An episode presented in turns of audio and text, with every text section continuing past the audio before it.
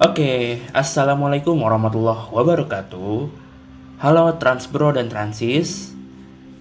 Selamat pagi, siang, ataupun sore. Semoga Transpro dan Transis selalu dalam keadaan sehat dan selalunya pasti semangat ya. Senang sekali di episode kali ini Transport Podcast hadir kembali yang akan membawakan tentang topik sosialisasi nih. Nah di sini nggak gua sendirian sih. Di sini ada Ikal, ada David Henok, terus ada Ahmad Rafi yang akan membahas soal sosialisasi nih. Sosialisasi dadakan, penumpang kelabakan. Jadi itu judul yang kita bawa pada episode kali ini. Oke, hmm, dari kan ada banyak jenis ya, banyak sisinya. Kita mau bahas dari sisi kapal dulu nih. Di sini ada David Henok yang bakal Favivu lah jelasin gimana sih sosialisasi yang kemarin di kapal. Mulai dari misalnya tarif naik, terus juga penggunaan full aplikasi Verizi. Nah, seperti itu. Yuk,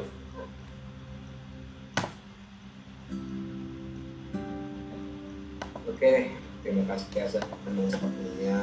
Mungkin transportasi sekalian, ya gue bakal menceritakan dari sisi yang gue kasai itu yaitu di di kapal terus di DSD ke penyeberangan dan mungkin gue bakal nyerempet dikit ke penerbangan. Nah, mungkin kita semua sudah tahu nih kalau SDP sendiri sudah tidak lagi main pembelian tiket di eh, gate atau di pintu pelabuhan. Karena semenjak corona kemarin kan sudah apa coba untuk mengurangi yang namanya kontak fisik ya terutama dengan di gate penyem, apa di gate pelabuhan sendiri. Makanya e, waktu corona kemarin dari pihak SDP sendiri melakukan gencar melakukan yang namanya e, pembelian tiket secara online dan kalau bisa cashless. Nah, nah emang sih waktu migrasi sistem pembelian yang tadi yang menggunakan yang tadinya beli di gate terus pindah ke Verizi sendiri kan banyak pengguna ya. Yang bingung gimana sih cara ngoperasi Verizi dan ada juga yang nggak tahu kalau pembelian tiket itu sekarang sudah online gitu diwajibkan. Nah pasti dong yang pasti dong ada ada ya beragam sosialisasi yang dilakukan oleh PT SDP sendiri. Ya, contohnya apa contohnya ya iklan YouTube atau mungkin sosialisasi melalui komunitas-komunitas contohnya kemarin dengan profesi supporter dan segala macamnya nah terus juga bagi yang uh, bagi pengguna yang istilahnya ah aku nggak aku nggak mau install Verizi ah itu repot-repotin HP gue nggak cukup itunya nah akhirnya membuat masyarakat sekitar pelabuhan tuh memikirkan yang namanya ide bisnis pembelian tiket di luar apa di pelabuhan. Nah makanya tuh kalau misalnya kita menyeberang ke Sumatera tuh kan kita bisa lihat tuh ada uh, mungkin warga-warga sekitar yang membuka kios pembelian tiket apa tiket penyeberangan ke Kampung ini gitu. Nah itu aja sih Sam. Mungkin mau dibahas juga nih soal penerbangan nggak? Wah boleh tuh. Boleh boleh sekalian. Kita bahas soal penerbangan tentang sosialisasinya. Monggo. Nah mungkin ya kalau misalnya penerbangan sendiri eh, kalau misalnya kita ngebahas soal peralihan tiket cetak ke tiket online yang mungkin itu jauh banget ya, gue juga gak lupa ya. Mungkin kita bakal bahas terdekatnya aja ya soal penggunaan melindungi dalam apa melindungi dalam melakukan perjalanan udara. Nah kan kita tahu tuh ada waktu corona kemarin kan eh, kita diminta untuk mengisi hak elektronik health apalah itu gue lupa singkatannya itu.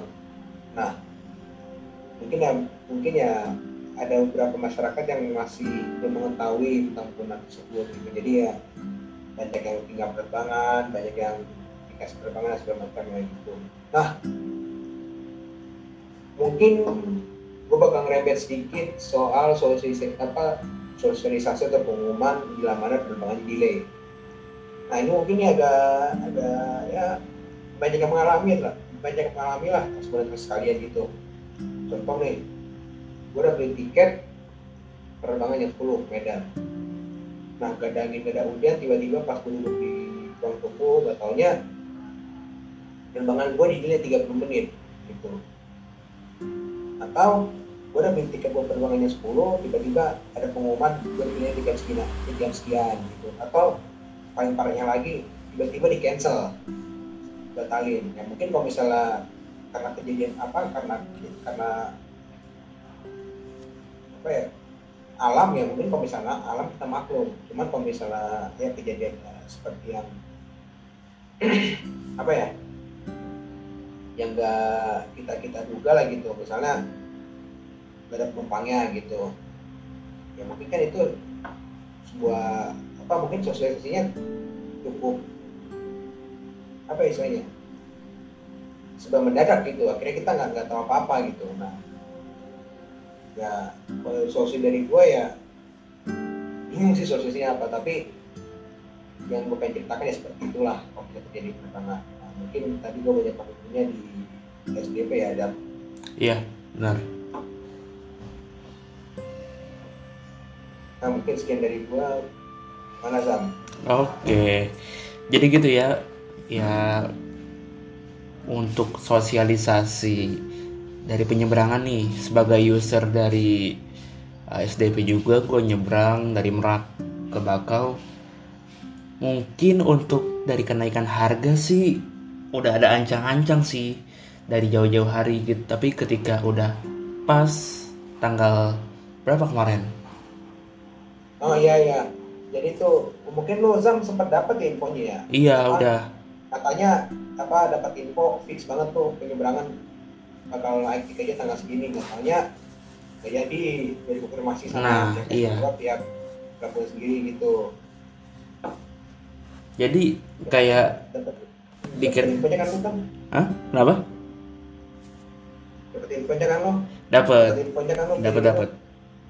Gitu sih jadi ya pas kan awalnya itu ya awalnya mau naik nih terus tiba-tiba kok nggak naik-naik oke tuh santai. Mungkin hanya reguler kali ya. Kan gue biasa bagian eksekutif buat nyari waktu. Tapi ketika ada ketetapan tanggal segini oh itu nggak kaget. Karena gue lihat oh udah ada ancang-ancang sebelumnya udah ada kabar mau naik. Jadi ya mungkin itu sih sebagai pengguna. Oke, makasih dari David Henok. Terus kita mau lanjut bahas kereta api nih. Di sini ada Ahmad Rafi nih.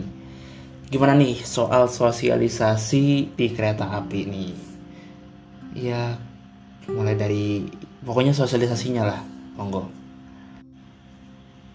Nah, kalau dari kereta api sendiri ya terkait sosialisasi apa pun itu entah pengalihan rute atau penutupan sementara lalu lintas kereta api atau eh, penggunaan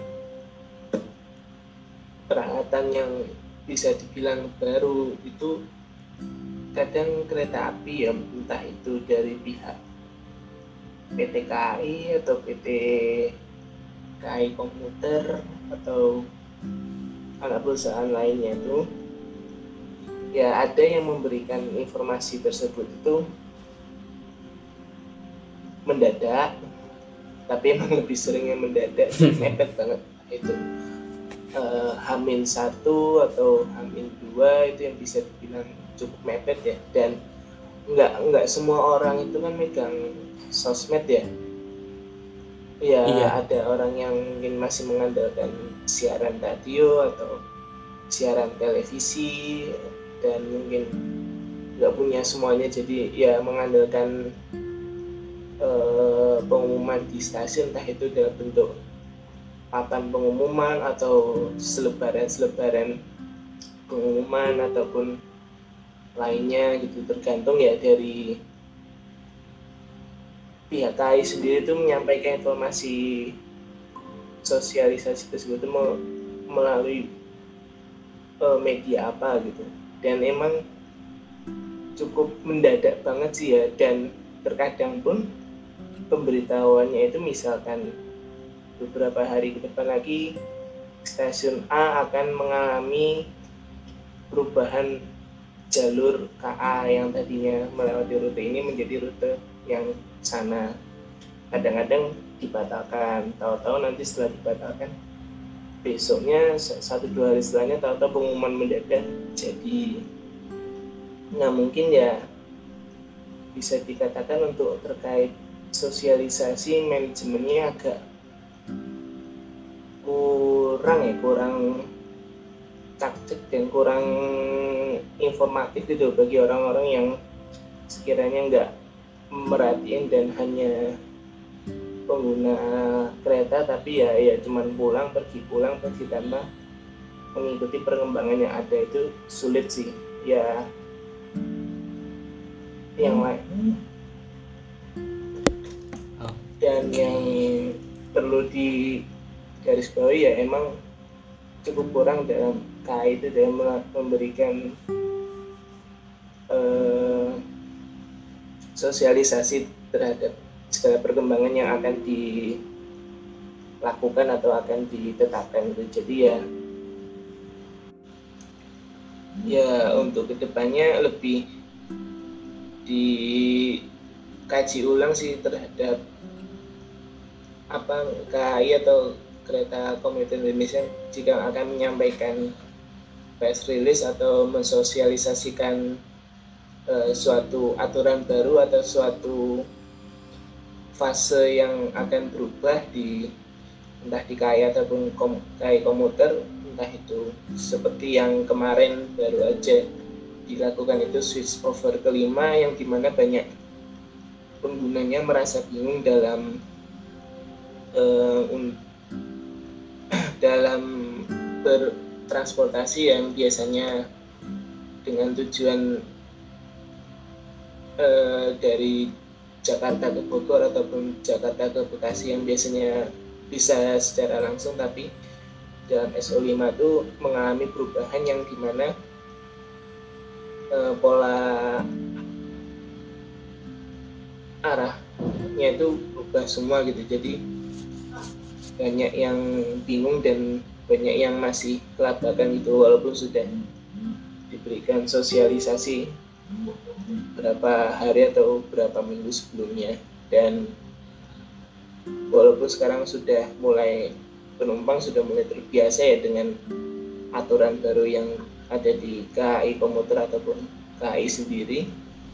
Dan mungkin nanti untuk ke depannya lebih dekat-dekat ini itu kemungkinan ya ambil contoh di Manggarai itu akan adanya SO6 di mana SO6 sendiri akan mengaktifkan beberapa jalur-jalur yang baru saja direvitalisasi dan diperbaharui untuk e, rute yang berada di rel bagian dasar sehingga ya bisa lebih dijelaskan lagi, bisa lebih ditegaskan eh, lagi gitu terkait perubahan-perubahan yang akan terjadi. Dan mungkin yang baru aja ini juga uh, terkait peremajaan atau penggantian wesel di stasiun Manggarai yang sekiranya itu juga sosialisasinya juga terlalu mepet dan banyak orang yang juga bingung terkait dengan pemberangkatan kereta terakhir pada rute-rute tertentu yang melewati stasiun Manggarai. Nah itu mungkin perlu dikaji ulang ke depannya agar lebih masif lagi dalam mensosialisasikan entah itu perubahan jadwal, perubahan rute, dan perubahan pola operasional kereta di KAI ataupun di kereta komuter Indonesia. Nah mungkin dari Mas Farhan ada tambahan terkait sosialisasi di KAI ataupun KCI? Uh, kalau menurut gue sih sebenarnya sosialisasi yang dilakukan oleh pihak KAI, KCI ya sekaligus DCKA itu sebenarnya udah cukup rinci gitu. Cuman kan pada saat uh, kita balik ke kasus SO5 kemarin ya, yang sampai terjadi penumpukan penumpang di stasiun Manggarai itu. Uh, sebenarnya sosialisasinya udah cukup jelas di sosmed udah di apa udah dikasih tahu terus mungkin kalau ada yang melihat uh, banner-banner di stasiun itu juga sama udah sosialisasikan dengan bentuk media cetak seperti itu. Cuman kan um, yang bikin itu akhirnya chaos itu kan karena orang tuh pada berpikir oh gua harus berangkat lebih pagi nih gitu. Nah sudah yang berpikir gitu kan banyak banget ya. Nah makanya akhirnya di stasiun Manggarai itu jadinya ya itu penumpukan penumpang itu. Terus mereka yang ada di situ itu seolah-olah jadi kayak nyalahin perusahaan tuh gimana sih perusahaan kok nggak ngasih sosialisasi mau ada isi software tapi nggak ngasih tahu duluan gitu ya. Sebenarnya iya. itu balik ke orangnya lagi tuh. Dia udah ngeliat udah pernah ngelihat sosialisasinya atau belum gitu. Sebenarnya kalau dari perusahaan ya udah secara terang-terangan gitu bahwa bahwasanya di tanggal segini tuh akan ada uh, switch over gitu. yang mana si penumpang ini tuh seharusnya juga bisa uh, menyesuaikan lah dengan apa namanya jam kantornya gitu. Kalau mau berangkat lebih pagi ya diantisipasi lagi gitu. Karena orang yang berpikir berangkat pagi itu juga nggak cuma satu orang gitu itu kan banyak banget. Nah makanya balik lagi ke apa namanya ke penumpangnya kalau menurut gua gitu. Kalau dari perusahaannya sebenarnya udah cukup bagus itu sih. Iya oke itu dari kereta api. Nah kita masuk ke perkotaan nih. Dari lu sosialisasi dari bidang perkotaan tuh gimana sih menurut lu yang udah-udah nih ya uh, sebenarnya sih mau sedikit sambat aja sih tentang uh, dari tanggal 4 Oktober kemarin ya. Itu uh, adanya perubahan yang tahu bulat banget nih dadakan terkait uh, sistem tarif integrasi Jaklingko dan itu salah satu permasalahan ya yang lagi hype sekarang lagi uh, panasnya sekarang gitu ya. Terus juga betul uh, selain sebelum ini gitu ya itu soal SO5 juga hype banget tuh ya di bulan akhir Mei kalau nggak salah ya 28 Mei. Ya yeah, memang uh, banyak sih yang kita nih kacamatanya gitu sih dari kacamata ya pengguna ataupun uh, dari sisi perusahaan gitu. Kita ambil contoh uh, SO5 dulu deh. Ya memang benar. Orang-orang berpikir dikasih tahu seminggu oh berpikirannya spekulasinya berarti gue harus banget lebih pagi. Uh, ujar satu orang tapi orang yang lain juga sama berpikir begitu akhirnya tetap aja numpuk. Nah um, mungkin kalau yang bisa dilihat ini yang harus dievaluasi mungkin dari gue ya adalah timeline untuk sosialisasinya. Baik itu secara banner ataupun sosmed ataupun ya uh, sosialisasi ke sampai di internalnya gitu ya dari kan statusnya ini nih uh, top to bottom gitu ya. Nah ini sama juga nih kayak pernah kita dulu bahas soal perkara mau motret-motret uh, kereta tapi kok atas bilangnya boleh bawah bilangnya enggak gitu Nah itu juga sama nih sosialisasi ini juga masuk tuh. Nah waktu itu kan kalau SO5 memang eh, tenggat waktunya tuh kayak seminggu baru keluar banner segala macam. Terus baru pas di hari H, H-1 kayak jebret. Dan untungnya di hari weekend gitu. Jadi di evaluasi dua hari, diuji coba kayak ya layaknya percobaan lah. Senin udah mulai terlihat selaknya di mana gitu. Memang kalau dari sisi pengguna sih gua gua akuin bahwa pengguna ini harus trial and error dan harus bersabar. Ya macam lah macam-macam lah. Nah terus nih soal TJ ini ya 4 Oktober kemarin. Gue juga nggak tahu gitu kenapa tiba-tiba berubah oke memang kita mendukung ya dengan adanya integrasi yang bikin uh, diskon. Bikin kita bermobilitas enak. Tapi TJ ini backbone dan TJ ini menjadi terbesar. Dan juga jaringannya rumit. Rumit dalam arti banyak itu ada ya. Angkot ada yang non BRT ada yang BRT segala macam ya. Nah eh, kenapa bisa demikian sampai akhirnya padat? Gue juga pagi-pagi ngeliat berita halte TJ padat. Halte TJ semua padat. Kenapa gitu? Apakah ada masalah? Oh ternyata masalahnya bukan masalah sepele gitu. Masalahnya adalah uh, uh, kartunya itu banyak yang tiba-tiba terblokir terreset ternyata sistemnya terreset secara langsung. Nah sekarang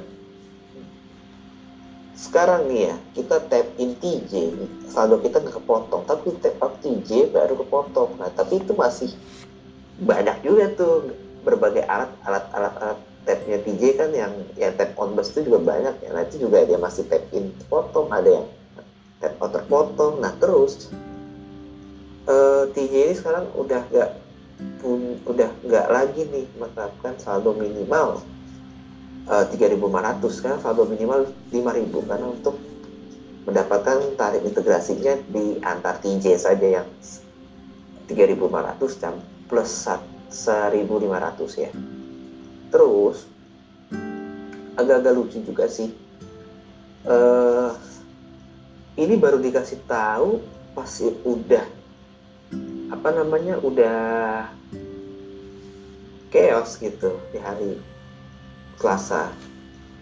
Terus tiba-tiba uh, baru dikasih tahu di posting begini caranya cara membuat uh, uh, blokirannya begini. Tapi memang ada juga awareness dari bulan April bahwa jangan lupa tap in jangan lupa tap out gitu. Baik itu di BRT ataupun, non BRT. Nah ternyata baru gue pahami ada hasilnya sekarang. Gitu. Ada hasilnya oh ternyata kenapa kita tap out begini? Kita harus biasa tap out. Meskipun ya memang kemarin ada langkah pre preventif sekarang langkah represif. Ya habis tuh saldo itu hilang tujuh ribu. Nah kenapa pada keblokir?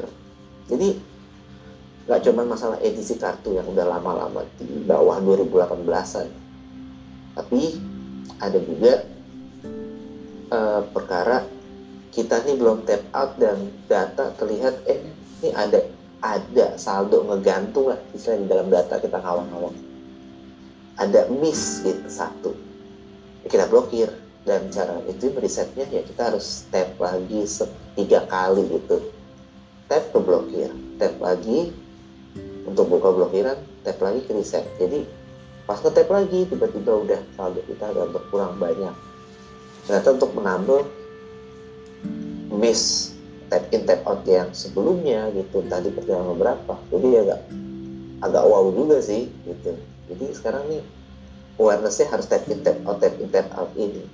Dan uh, itu yang bikin sebenarnya jadi lama. Lah udahlah mungkin headway uh, bis itu tidak banyak ataupun uh, ataupun misalnya bis itu cuma ada di peak hour jalannya. Eh ini juga apa ya mungkin blokiran aja sampai bikin mengular panjang gitu. Wah itu udah chaos banget sih. Cuma di Selasa kemarin tuh hari mungkin hari terburuk mana hujan lagi.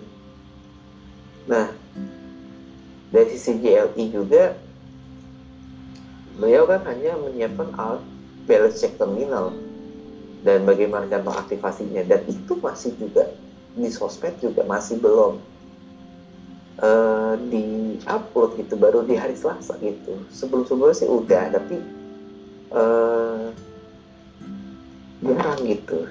Jadi memang ada sebenarnya masih perlu media-media konvensional seperti banner segala macam gitu. Ataupun sampai ya itu uh, sosialisasi top to bottom sampai ke frontliner yang ada di halte ataupun ada di stasiun.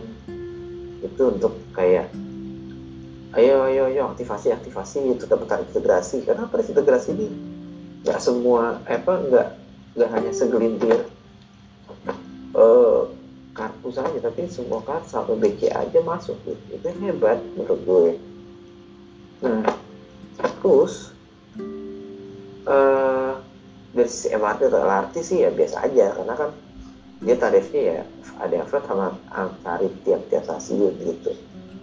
Ya itu Ripo juga lainnya satu gitu. Nah ini ada non BRT pun. Ya baik dari PLB PLH nya nggak tahu ataupun sopir juga nggak tahu. Jadi kita harus trial error. Dan juga tidak dikerahkannya komunitas untuk ya trial error sebagai prinsip percobaan duluan gitu. Jadi kita bisa uh, istilahnya melihat gitu dan juga mengkaji mengevaluasi bahwa oh ini nih uh, kekurangannya kita apa. Nah itu mungkin salah satu bentuk-bentuk uh, pemanjang lidah ya masyarakat soal dari komunitas gitu.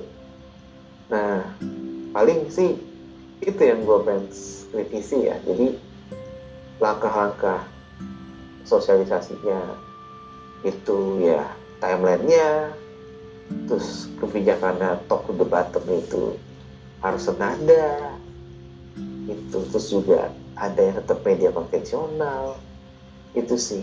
Nah itu yang di Jakarta. Mungkin di kota-kota lain juga ada. Kayak misalnya ya soal soal temangus lah gitu terus juga masalah headway apa datangnya? Itu kan kita butuh informasi yang lebih jelas gitu butuh sosialisasikan yang jelas misalnya ada force major apa pun juga harus sosialisasi uh, jelas tapi kan memang itu hanya sosialisasi minus tapi yang kayak begini-gini tuh udah major banget nih gitu. Nah mungkin nih ya gue mau ngasih ke Andi ya kayak gimana sih sebenarnya langkah-langkah sosialisasi itu apakah tadi yang gue jelasin tuh udah ada benernya ataupun secara ya teoritis lah gitu di uh, sebelum kita tutup nih episode ini terkait langkah-langkah atau strategi sosialisasi yang bagian benar tuh seperti apa gitu. Jadi uh, balik ke masalah sosialisasi sosialisasi sosialisasi tadi kan ya. Jadi uh, namanya sosialisasi itu kan apa ya kayak kayak statement atau ucapan dari perusahaan gitu kepada publiknya gitu nah itu kan yeah. sebenarnya dikategorikan juga bisa dikategorikan sebagai strategi komunikasi gitu. nah jadi kalau menurut teoritisnya strategi komunikasi itu kayak konsep uh, atau perencanaan yang memang dibuat untuk mencapai suatu tujuan inti dari sebuah organisasi atau instansi nah kalau dalam uh, kasus Solima kemarin kan pengennya itu tuh nggak nggak nggak terjadi apa ya nggak terjadi kekacauan lah di stasiun Manggarai gitu karena memang dari perusahaan sendiri bahkan dari DJKA juga udah mensosialisasikan supaya si masyarakat ini bisa menyesuaikan kembali jadwal perjalanannya gitu. Nah karena udah terlanjur kejadian gitu si apa namanya gara-gara soal ini jadi penumpukan penumpang di stasiun Manggarai itu nah makanya si perusahaan ini tuh kayak harusnya uh, bisa melakukan apa ya bisa melakukan empat langkah uh, strategi komunikasi dalam public relation gitu. Ya pertama itu kayak uh, menentukan masalahnya itu namanya itu define the problem gitu. Nah perannya si humas atau public relation dari perusahaan itu kayak harus melakukan pendeteksian uh, suatu masalah gitu. Jadi uh, menerima informasi dari lapangan dan itu tuh bisa di apa namanya dikip dulu supaya nantinya bisa didiskusikan dengan jajaran-jajaran direksinya gitu nah kemudian itu ada yang kedua ada planning and programming. Nah itu tuh kayak uh, gimana sih cara mengeksekusinya gitu kemudian uh, mempelajari permasalahan ini gitu. Kemudian apa aja yang harus disiapin gitu untuk bisa menyelesaikannya di hadapan publik gitu. Yang ketiga ada technication dan communicating. Nah ini tuh menentukan uh, pilihan mengenai apa ya apa uh, informasi ini ditujukan kepada siapa gitu. Kemudian yang keempat itu ada evaluasi. Nah yang namanya evaluasi itu kan karena udah kejadian SO5 ini makanya tuh uh, awalnya kan jal yang jalur kereta yang digunakan untuk pelayanan kereta bulan kan kalau nggak salah tuh jalur 6 atau 7 gitu ya. Akhirnya karena penumpang numpuk kan 6789 dipakai semua kan. Gara-gara udah Iya. overload gitu. Nah itu salah satu bentuk uh, penyelesaiannya. Jadi supaya penumpang ini nggak nggak nggak numpuk di peron jalur 6 sama jalur 7 aja. Jadi juga dilempar ke jalur 6, jalur 8 sama 9. Yang mana jalur 8 sama 9 ini kan biasanya untuk standby-nya railing kan. Heeh. Wah, lapa dipakai Makanya itu ada- Iya, iya bener-bener. Nah, itu adalah salah satu bentuk apa namanya evaluasi dari perusahaan gitu kira-kira. Oke, berarti memang kalau bisa ditarik kesimpulannya dia itu berarti eh, memang kalau dari sisi pengguna ya memang ada sisi dari trial and error. Jadi jadi nggak cuman misalnya men, apa tuh eh, meng- mengukur kembali eh, waktu perjalanan wak- waktu berangkat gitu gitulah ya. Ta- Tapi Iya. juga ada kayak oh kita nanti kan lama-lama kebentuk tuh ada butuh adaptasi kan dari trial error itu muncul adaptasi eh Mm-mm. gua mau naik kereta jam berapa ataupun misalnya oh gua naik bis jam berapa ntar gua hari ini trip gua ini multimodanya seperti apa ini kan kita lihat nanti ini kalau misalnya ngomong perkotaan pasti ada multimodanya seperti apa yang ter, ter- apa jarak ter- eh, rute tercepat atau rute terhemat ataupun segala macam lah yang mau dilakukan Tercepat. gitu. Nah, itu. Terus juga masalah eh misalnya kita udah nge-planning bagus-bagus gitu ya untuk dikomunik eh, untuk disosialisasikan. Tapi tetap aja yang namanya eh, faktor di lapangan bakal berbeda banget ya kan? Iya sih. Iya, Bakal berbeda iya banget. pastinya pastinya kan akan ada setiap kebijakan yang keluar dari perusahaan atau instansi itu kan pasti akan ada pro kontra di masyarakat ya apalagi Heeh, si PT KAI ini kan bergerak di bidang jasa pelayanan kereta api yang mana betul. uh, sebagai BUMN yang memang melayani penumpang dengan transportasi kereta api nah makanya kan ada aturan-aturannya juga kan Betul. Apalagi kayak misalnya nggak cuma satu lingkup misalnya kayak komuter lain gitu ya kan itu masih satu lingkup meskipun jalurnya banyak jalurnya banyak apalagi yang yang udah lingkupnya banyak operatornya banyak meskipun dalam satu wadah itu itu kan misalnya kayak ngomong Transjakarta. Bisnya bisnya itu milik siapa siapa dan itu supirnya juga milik siapa dan itu tidak di briefing ataupun briefingnya kurang nyampe itu juga berpengaruh banget kan di lapangan. Oh pak ini Iya. kenapa kartu saya kok keblokin oh nggak tahu. Wah masalah. Itu tuh itu, itu yang lebih ngeri lagi ternyata. Ada gitu loh. Ini nih nih itu yang menurut gua selain trial and error itu faktor lapangan itu emang bener-bener yang bikin kita adaptasi ya. Memang sih gua gue pertama menyesalin kayak ah kenapa sih sekarang? Wah gawat segala macam tapi di sisi lain ya kalau nggak direpresif juga ya nggak dipaksa juga ya memang jadinya eh, bakalan ini bakalan apa namanya nggak nggak bisa lah gitu. Kalau misalnya nggak di- dipaksa ya nggak bakal adaptasi gitu nggak bakal jalan ini sistem. Ya sama kayak soal semua. Kayak balik balik ke zaman dulu kayak mirip-mirip kasusnya kayak zaman dulu sih kalau apa namanya pas pertama kali KRL itu pakai Velika elektronik tuh. Iya. Mana ada yang mau eh, mana ada yang Betul. mau terima waktu itu. Butuh waktu berhari-hari kan baru bisa Iya. waktu jalan. Mereka yang nggak sabar itu malah nggak take out malah keluar lewat rel. Heeh, heeh. kartunya jadi kayak hilang. Nah iya gitu. Sama juga kayak di uh, bis juga. Nggak sabar wah ngantri. Bukannya tap out malah dia turun di di pintu halte nyebrang jalan. Iya sih cuman kan ya wassalam aja kena nanti. penalti kartunya. Iya gitu. Ya itu makanya sistem ya kita memang membangun sistem. Dan sistem pembayaran membangun sistem habit. Ya nggak sih Iya. Heeh. Nah, terus ya gue sih ngeliatnya dari situ. Kayak wah tapi ambil hikmahnya ya. Ambil hikmahnya ya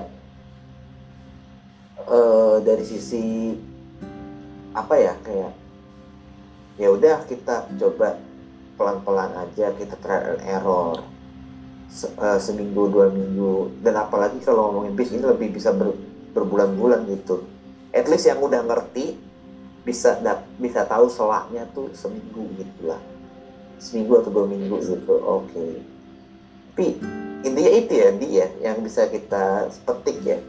Hikmahnya seperti apa terus juga langkah-langkah yang dilakukan tuh ya tadi empat itu ya pasti di ujung-ujungnya pasti kan kayak ada nanti ada ju ini nih jurus pamungkasnya keluar Ya, lagi. coba prakteknya beda. iya tadi ya kayak Di lapangan ternyata beda. Kira-kira nanti kalau misalnya dia udah mulai chaos jurus pamungkasnya apa nih keluar gitu gitu. Kayak betul SO5 jurus pamungkasnya kasih ke Afiden gitu. Ataupun ya ya sebenarnya kalau info- informasi apa soal eh, Sosialisasi udah cukup eh, eh, baik menurut eh, eh, it- atau informasi tambahan seperti misalnya eh, modal Udah, lan- modal lanjutan modal lanjutan tuh waktu itu ya yang pernah gue berarti sih soal modal lanjutan tuh sebenarnya bisa gitu oh, oke oke mulai ngerti sih thank you thank you gimana Zab kita udahin aja apa gimana Wah ini sepertinya kita udahin aja nih. Udah banyak yang kita udah bahas sih. Mulai dari tadi kapal, terus penerbangan, rail base, perkotaan yang udah lengkap kita bahas. Kayaknya kita tutup aja nggak sih? iya iya Oke. Sebelumnya nih kan dari kita nih. Kalau dari Oke, Transbro dan Transis ini kan dari kita eh, soal tanggapan soal sosialisasi. Kalau Transbro dan Transis ada tanggapan lain atau pandangan lain bisa langsung lari ke DM kita aja ya. Eh Transport Podcast. Eh, terima kasih sudah mendengarkan. Wassalamualaikum warahmatullahi wabarakatuh.